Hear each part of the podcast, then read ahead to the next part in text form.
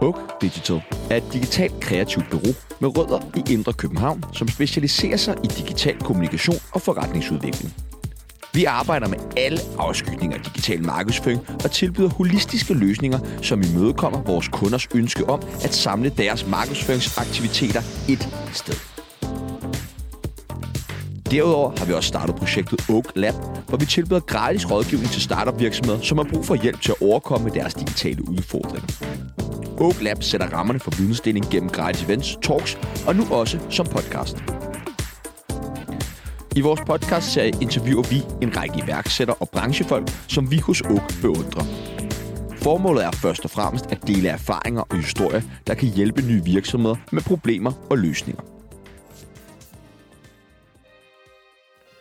For ikke særlig mange år siden var genbrugstøj ikke noget, der rimede på fashion.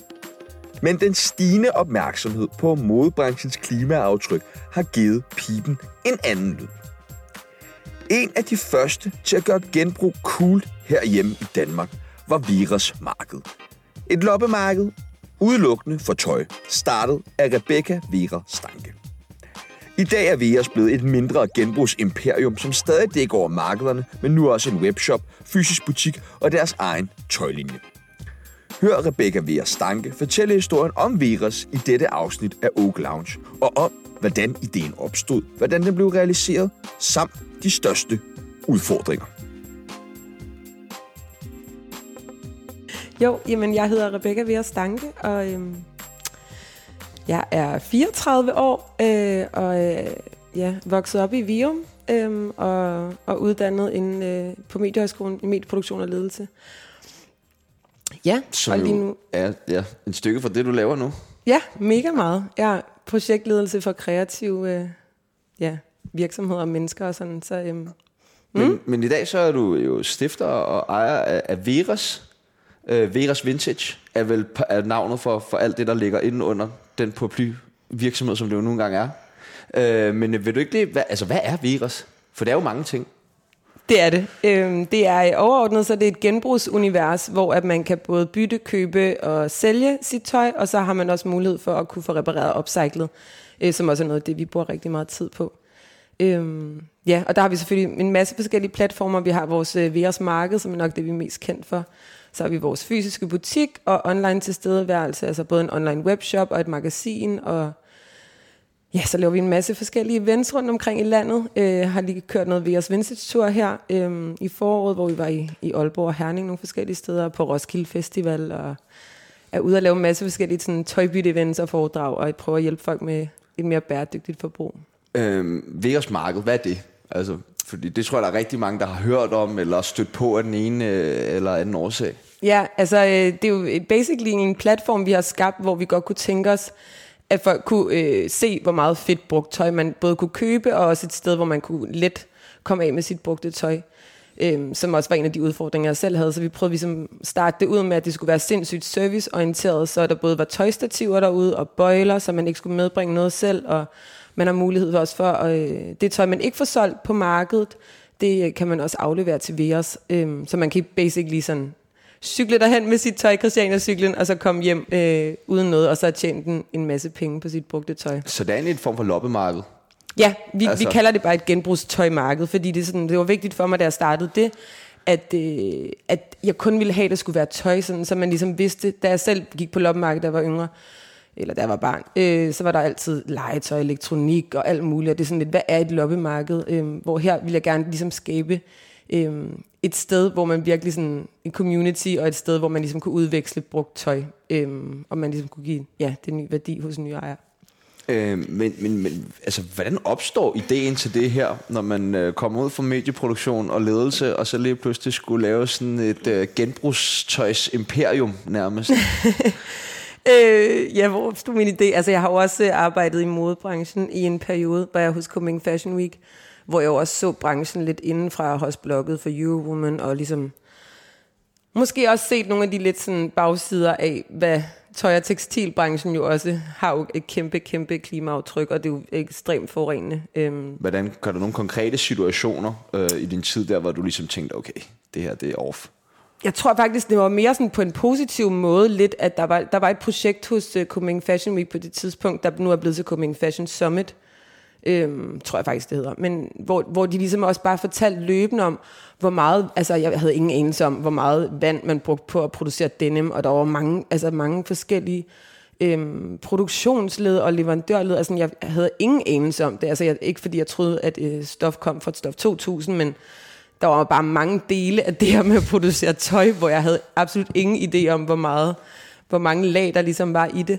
Øhm, og så tror jeg også bare selvfølgelig hele den der lidt influencer øh, del, som jeg også på en eller anden måde selv lidt kom ind i, fordi jeg bloggede for Human, begyndte at få gratis tøj, og det var bare sådan lidt usmageligt at være sådan en del af det. Altså sådan, man fik tøjet, inden det overhovedet kom i butikken, og øh, så havde man lagt det op på Instagram, så havde folk allerede set det, inden de måske selv og sådan, altså det, det blev bare, ja, det var ikke rigtigt det, der var startskuddet for Veres, men altså, der var helt sikkert nogle ting der for branchen, og så, øhm, så tror jeg bare selv, jeg havde sindssygt meget øh, tøj, som jeg synes var mega fedt, og jeg havde vildt svært ved at, at, at få noget for det, og give det nyt liv. Meget af det var sådan noget no-name brands, det var ikke nødvendigvis vildt, vildt dyrt, men jeg havde altid fået bekræftet, at jeg havde en fed stil, og jeg synes selv, det var mega meget fedt, og der var på daværende tidspunkt, ja, de her loppemarkeder, men der ikke var særlig meget service, og det var meget sæsonorienteret, sådan noget forår til efterår, og så var der sådan noget som trendsales, som man skulle bruge sindssygt lang tid på øh, at lægge tøj op og skrive og interagere med en eller anden person. Jeg, ikke, altså, jeg skulle ligesom bruge så mange timer, uden at vide, at jeg fik noget for mit tøj. Øhm, og så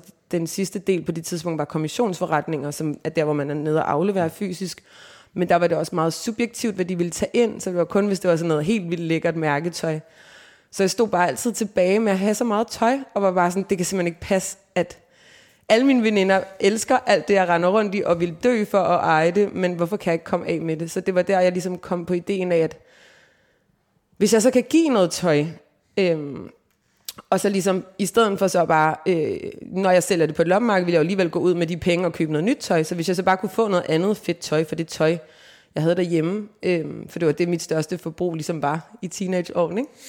Og det var sådan, vi også ligesom den hele den der cirkulære forretningsmodel kom til, og vi tøjbyttesystem, og det var så der, hvor man sådan, det var bygget op omkring, øh, Veas er jo bygget op omkring det her tøjbytte-koncept, hvor man ligesom kan aflevere noget tøj, og så få point, hvor et point svarer til en krone, og så for de point kan man så købe noget andet.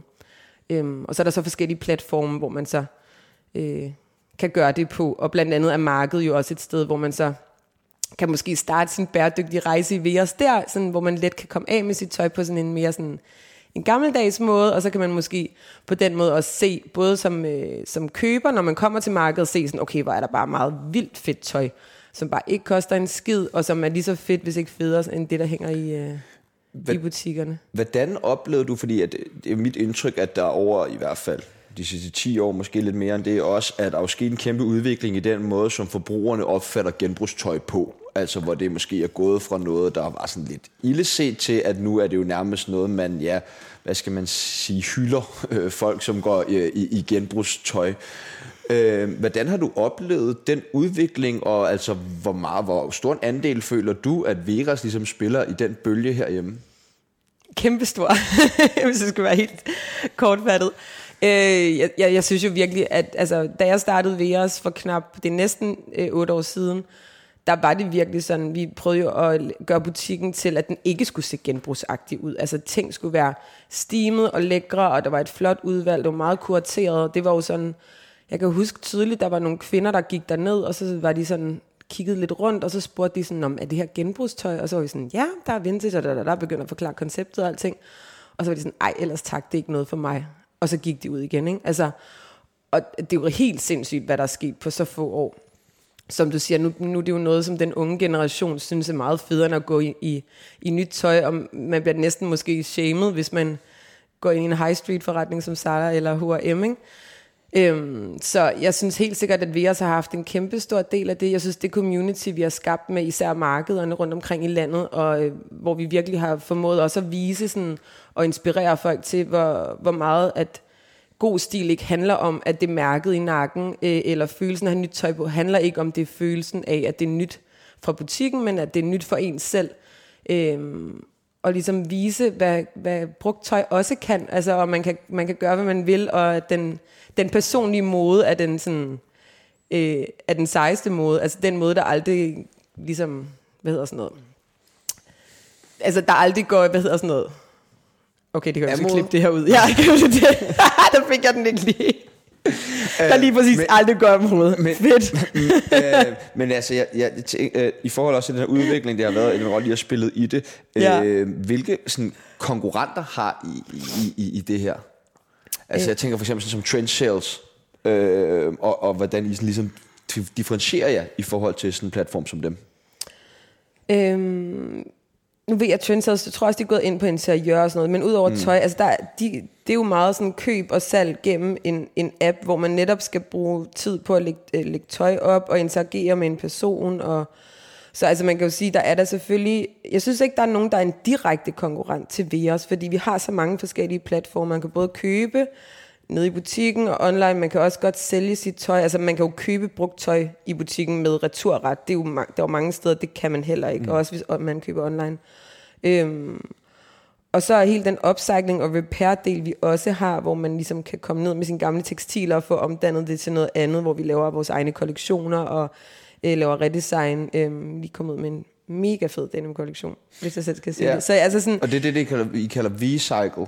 Ja, lige ja. præcis. Øhm, så jeg, jeg synes på mange måder, det der med, ja, det er nok også mest stolt af, det er sådan, vi har skabt det her brand omkring genbrug.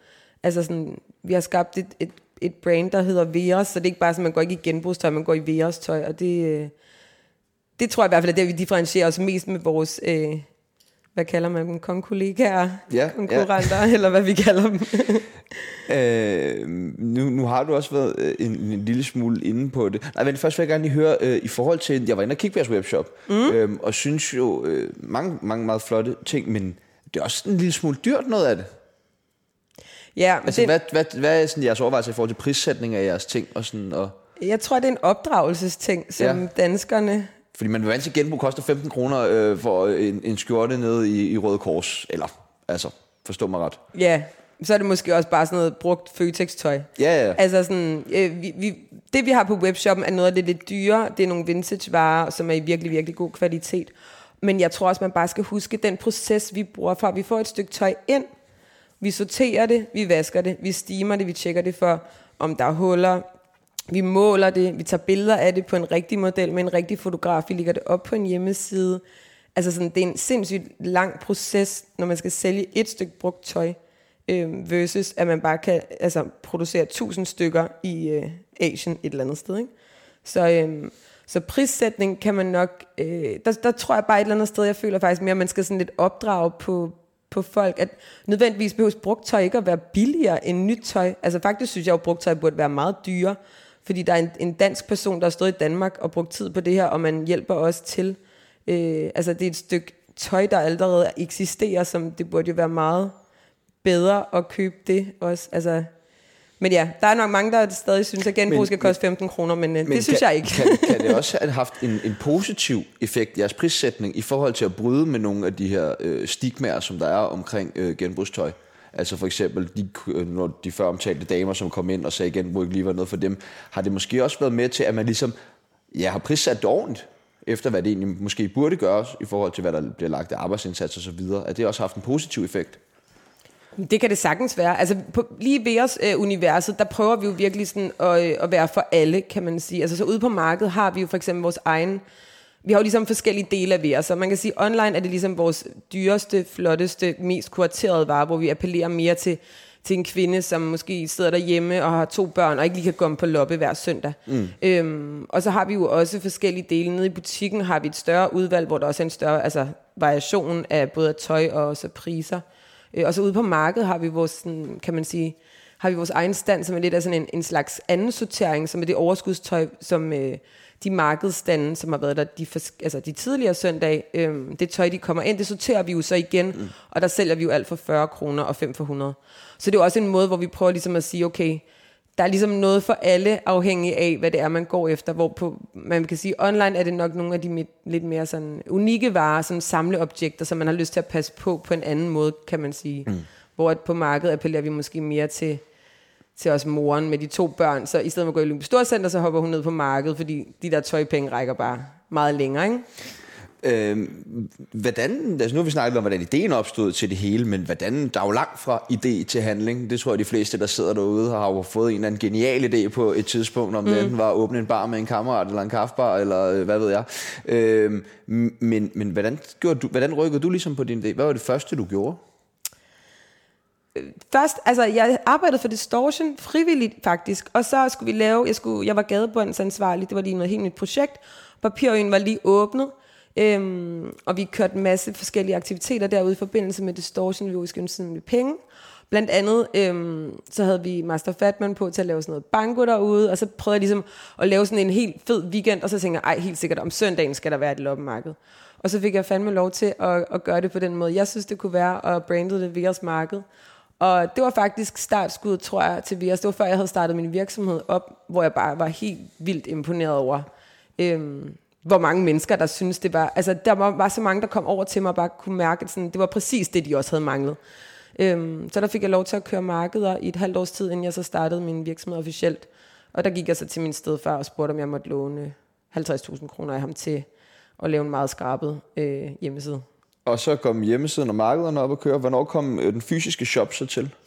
Øh, den kom også til sådan lidt ved et tilfælde, fordi jeg skulle bruge et sted. Pludselig stod jeg med alt det her tøj, altså alt det overskudstøj, der kom, der kom efter alle markederne, og så stod jeg og kiggede på alt det tøj, så var jeg bare sådan, det kan simpelthen jo ikke passe, at, at øh, det bare skal gå direkte videre til alle mulige andre, når jeg kan se, at jeg kan tjene noget på det, og jeg kan give det et, et nyt liv, og jeg kan redde noget af det. Øhm, så jeg skulle finde et lagerlokale, og så det billigste, jeg kunne finde, det var også, hvor der var en butik. Så tænkte jeg, vi åbner sgu en butik. øhm, ja. Men, øh, og det, var det sådan organisk finansieret øh, i forhold til markederne, der har løbet for inden, eller øh, Nej, det var det ikke helt. Altså, øh, det kan også være, at jeg ikke kan huske det helt korrekt, men da jeg ligesom fandt ud af, at de her markeder, at jeg ligesom, jeg havde testet det lidt af i det der halvårs tid, og der havde jeg så også allerede på det tidspunkt ideen om det større genbrugsunivers, og mit tøjbyttekoncept, og alt det, jeg godt ville skabe med det. Øhm, og der havde jeg en bekendt, øhm, som, øh, som var kærester med Tommy Alers faktisk, øhm, som jeg spurgte om, jeg ikke lige måtte få et lille møde med. Så der kom jeg en dag hjem til ham, øh, i hans private hjem, mega svedigt. Han kom lige ud af badet, og det var virkelig hyggeligt. Hvor at, øh, jeg pitchede min idé. Og du var med det samme. Hej, løver! Han var ikke med i løvernes hule endnu. Men, øh, men ja, det var godt nok, øh, det var jo lidt crazy, fordi så sad han der og kiggede på mig, og vi talte sammen, og jeg pitchede ideen. Og så efter sådan 20 minutter og en halv time, hvor han har siddet med sådan lidt tilbagelænet med krydset arme, så kan jeg bare huske, at så begynder han sådan at læne sig frem og være sådan, nå okay, og ej okay, hvor smart, og det kunne man da godt, og der, der, der. Og så fik jeg sådan lidt lektier for, jeg skulle lige gå hjem og researche noget mere på markedet, og komme tilbage med nogle, ja, nogle tal, nogle forskellige ting og så. Og så øh, fordi jeg blev vildt nervøs over, at jeg skulle tilbage og snakke med ham, og jeg vidste slet ikke lige, hvad fanden jeg skulle gøre mig selv. Så jeg fandt bare den ven på Facebook, som jeg øh, vidste havde en virksomhed, og kontaktede ham. Øhm, og så fik jeg et møde med ham, og så da jeg så pitchede min idé til ham, så sagde han, hey Rebecca, det der synes jeg lyder vildt spændende, det vil jeg gerne investere i. Og så var jeg sådan, nå. Og, og faktisk var jeg ikke på jagt efter penge. Jeg havde, jeg havde ligesom haft en lidt Øh, en længerevarende sygdom. Jeg havde været noget med stress, øh, efter jeg stoppede fra øh, med min jobs i modbranchen og sådan noget, og ville egentlig gerne bare skabe det her for mig selv, og det var sådan min lille, lille pigedrøm. Så øhm, ja, men så kom de simpelthen på ham og en, en af hans venner, inden jeg faktisk overhovedet havde lanceret det. Okay. Ja, så det var sådan, det tog lige en anden drejning, ja, end jeg havde klar, regnet med. øhm, ja, så det var faktisk sådan, det ligesom startede, og det var sådan, jeg også havde, havde penge også til ligesom at kunne lønne mig selv et lille beløb, så jeg kunne få ting til at køre rundt, og jeg havde en deltidsansat, som også fik et meget symbolsk beløb i starten, så jeg ligesom på den måde kunne bygge det op og få praktikanter ind og så videre. Ikke? Altså i forhold til øh, med sådan markedsføringsbriller på, Ja. Hvad, øh, I laver alle de her forskellige øh, arrangementer, og I har også nu ret stor tilstedeværelse på sociale medier. Øh, det så en, en dans, I havde lavet også i forbindelse med noget reklame. Kan det ikke passe? Vi lavet vores egen sang. Ja, præcis. Er den ikke fed? Jo, øh, helt vildt fed. Øh, Jeg kan godt give et lille nummer her, hvis det er. Tak. øh, men øh, jeg, jeg, jeg kan godt høre om, altså, kan, og når I er på Roskilde Festival og alle de her ting, kan I mærke ja. en effekt af det? Altså sådan markedsmæssigt? Øh, det føler jeg bestemt. Altså, jeg, jeg føler, at øh, vores marked har jo været med til at skabe det community, og det grund, altså, det alt det Veros er, det er jo, øh, altså, vi kalder dem jo Veros damer.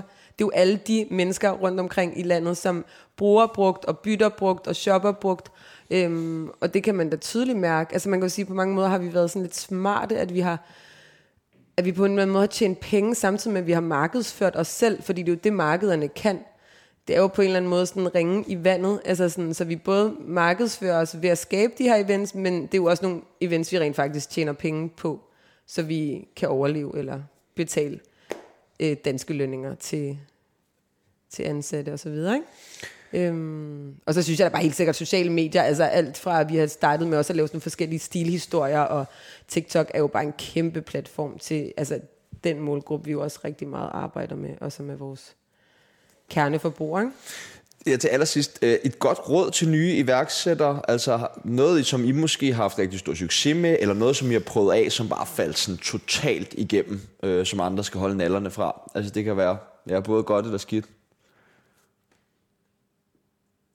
Jeg skal lige tænke. Endelig. Tag du god tid. Øhm...